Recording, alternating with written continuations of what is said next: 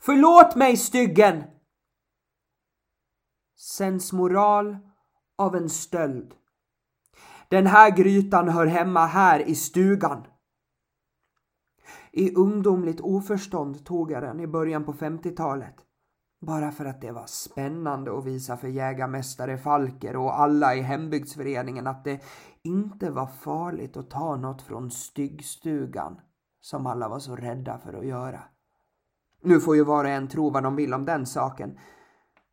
Men nu är jag över 50 år och mitt liv har varit ett helvete kan man lugnt säga. Med små undantag. Om nu någon annan frestas att röra den igen så vill jag avråda på det bestämdaste. Låt den nu vara här, där den hör hemma. Låt även brevet ligga kvar i grytan. Hälsningar från en 40-talist. Det vi hörde Jesper läsa är ett brev som varken är undertecknat eller daterat. Det ligger än idag i grytan som nämns i brevet. En rätt alldaglig gryta med lock på bordet i Styggens stuga. Det finns många berättelser om Styggen och kanske har du redan hört talas om trollgubben som förbannade sin mark så att det än idag inte växer några träd där. Om inte, så är det dags nu. Välkomna till Trollbunden, en podd om folktro i Dalarna. Jag heter Sandra och idag tänkte jag att vi ska prata om Styggen och hans stuga.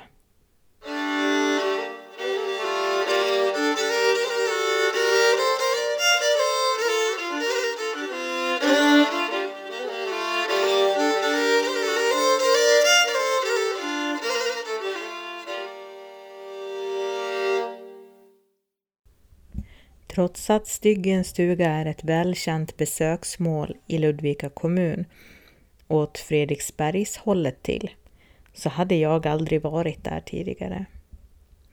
Kanske var det därför vi hamnade lite på avvägar när vi för ett par år sedan bestämde oss för att göra en utflykt dit. Istället för att åka den fina vägen genom Frösaråsen hamnade vi på en stenig och gropig skogsväg där vi fick krypköra fram. Men det var oerhört vackert att se ut genom fönstret på skogen vid sidan av vägen. Träden växer höga där, mitt ute i det som känns som ingenstans eftersom det inte finns några hus inom synhåll. Marken vid sidan av vägen är täckt av mossa och det är den sortens skog jag föreställer mig när jag tänker på begreppet trollskog. Medan vi tog oss framåt i långsam takt passade jag på att berätta för mitt sällskap om mannen som kallades Styggen.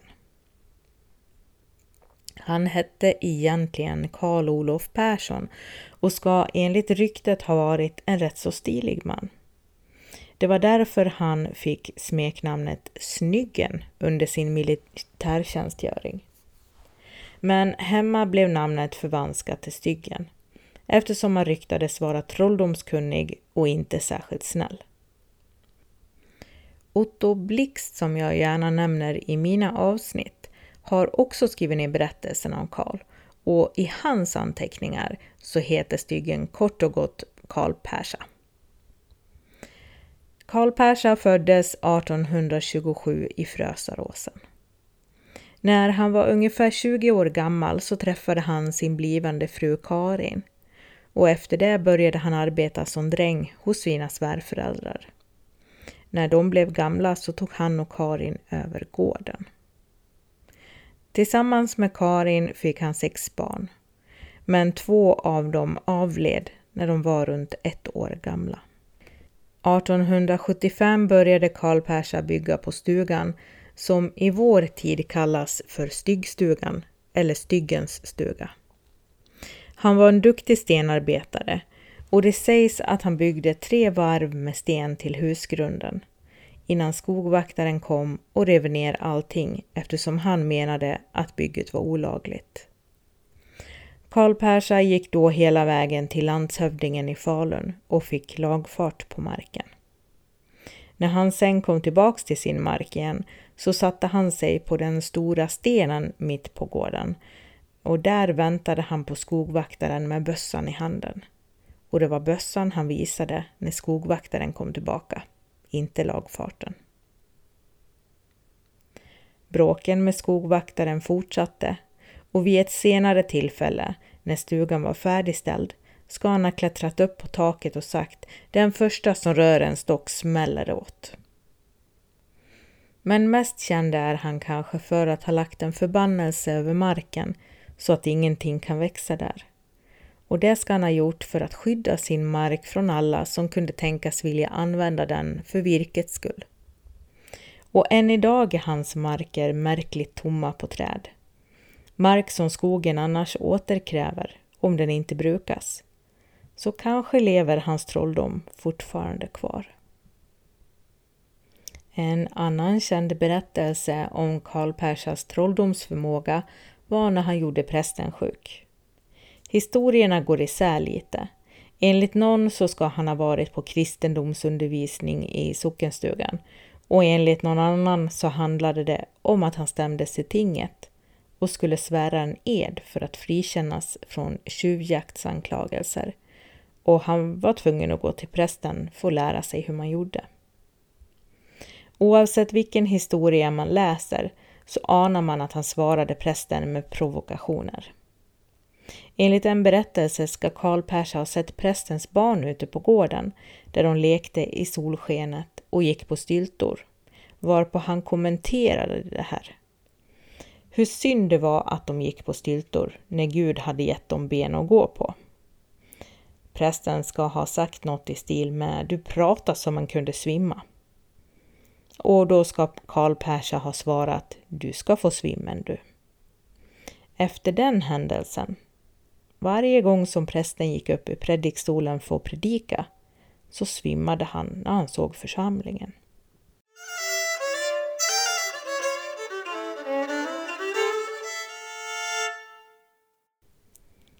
När jag hade berättat så här långt för mitt sällskap om trolldom och förbannelser så hörde vi någonting som fick oss båda att reagera. Bland stenar som knäppte under bildäcken på grusvägen så hörde vi tre rytmiska knackningar någonstans mot bilens plåt. Hjärtat hoppade till i bröstet, men jag är också ganska lättskrämd av mig, så jag tänkte att jag nog bara hade inbillat mig. Men när jag vred på huvudet för att se på Abbe så frågade han mig Hörde du det där? Och då kom det en gång till. Tre rytmiska knackanden. Ja, att saker händer som inte riktigt går att förklara, det får man nästan räkna med när man rotar i historier om folktro, trollgubbar och kuckelgummor.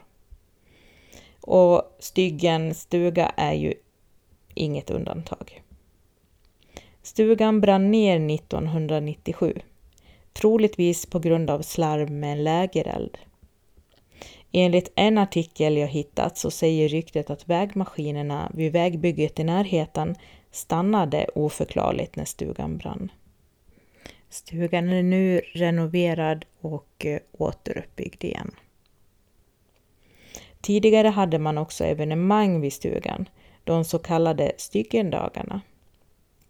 Vid ett sådant så höll kulturnämndens ordförande ett tal. Och han hann säga att förbannelsen har släppt. Sedan la ljudanläggningen helt oförklarligt av. Och det finns fler berättelser om hur Karl Persa fortsätter att påverka sin omgivning. Apropå styggen så har jag hört en historia om en travtränare och lärare eh, som nu är död sedan ganska många år. Mannen i fråga ville i vilket fall att en av hans hästar skulle vinna till varje pris. Sagt och gjort så åker han till styggens stuga och tar med sig en gammal handsmidd spik hem i tron att den ska inneha någon sorts magiska krafter. På kvällen så gräver han ner spiken på kyrkogården och går motsols runt stället muttrandes trollramsor som ska hjälpa hästen att vinna. När tävlingsdagen kommer så går allt bra. Hästen, som körs av tränaren själv, springer på fint och när upploppet kommer så ligger han flera längder före, segern till synes säkrad. Då, helt plötsligt, stannar hästen och börjar uträtta sina behov mitt på travbanan. Hästen kommer sist i loppet och tränaren är rosenrasande, helt övertygad om att det hela är styggens fel. Om detta stämde eller om det kan ha berott på mannens kompetens som travtränare, ja det är väl en öppen fråga.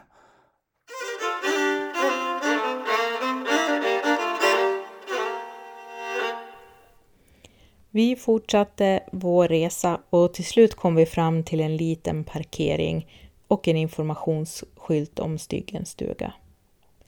Från parkeringen fick vi gå den sista biten och det var tät skog hela vägen fram. Men träden glesnade runt hans lilla hus. Vi knackade på innan vi gick in, för det är så man gör när man är på besök. Stugan var liten och med lågt till tak.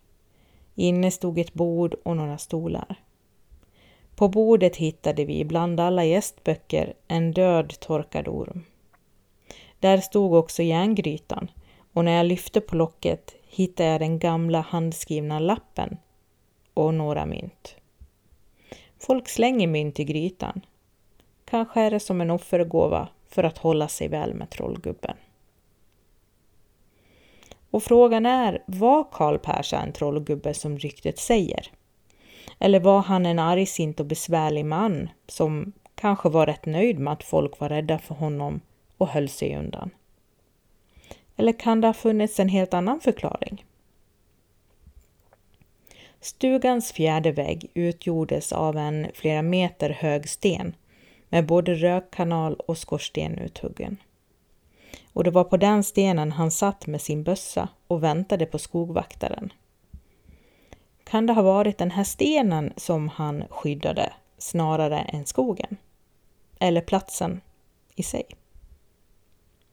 Jag har varit i kontakt med en man som berättade för mig att samer ibland upprättade halvkåtor mot stora stenar och de här stenarna fungerade som värmekälla under kalla nätter.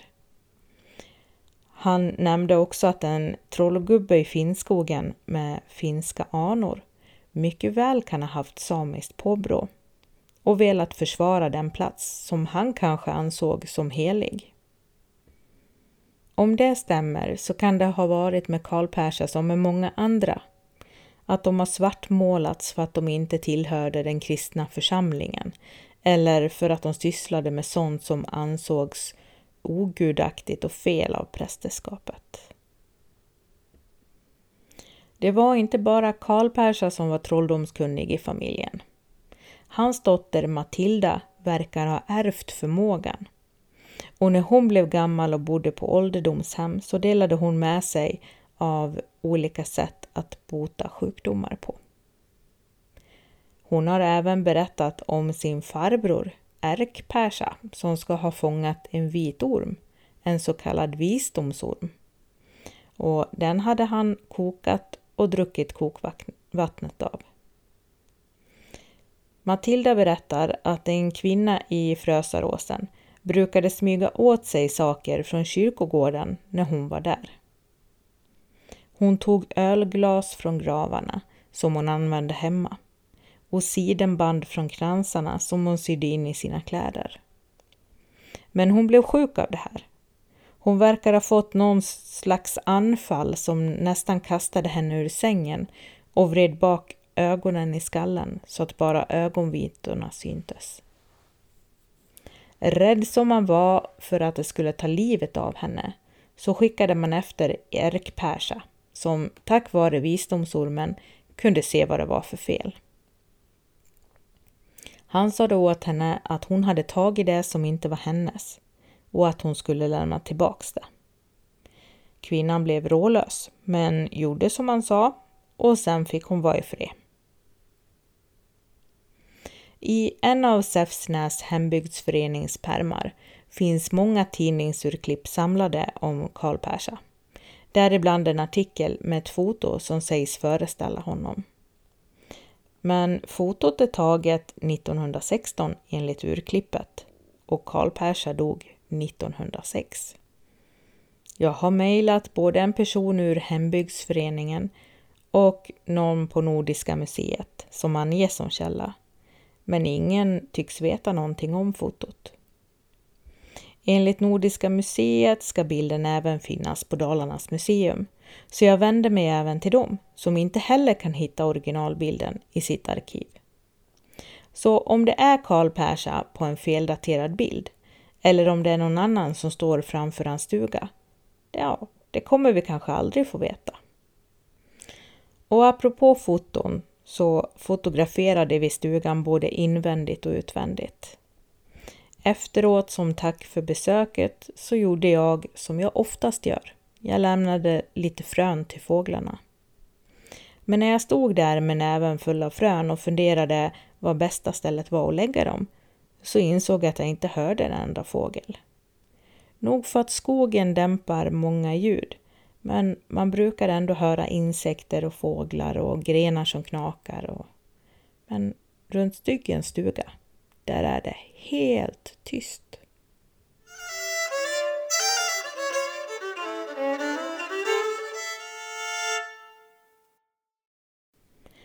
Om du vill besöka Karl Persas stuga så finns besöksinformation på Visit Dalarnas hemsida. Jag lägger en länk på Facebook-sidan Folktro i Sverige. Du kan också hitta mig på Instagram där kontot kort och gott heter Folktro. Ett stort tack till Torgny Lundberg som gjort musiken och till Jesper Forsberg som läste in texterna. Finns det något trollskt eller sägenomsusat besöksmål i Dalarna som du tycker bör uppmärksammas? Skriv då till mig på Facebook eller Instagram eller skicka ett mejl till folktrosverige outlook.com.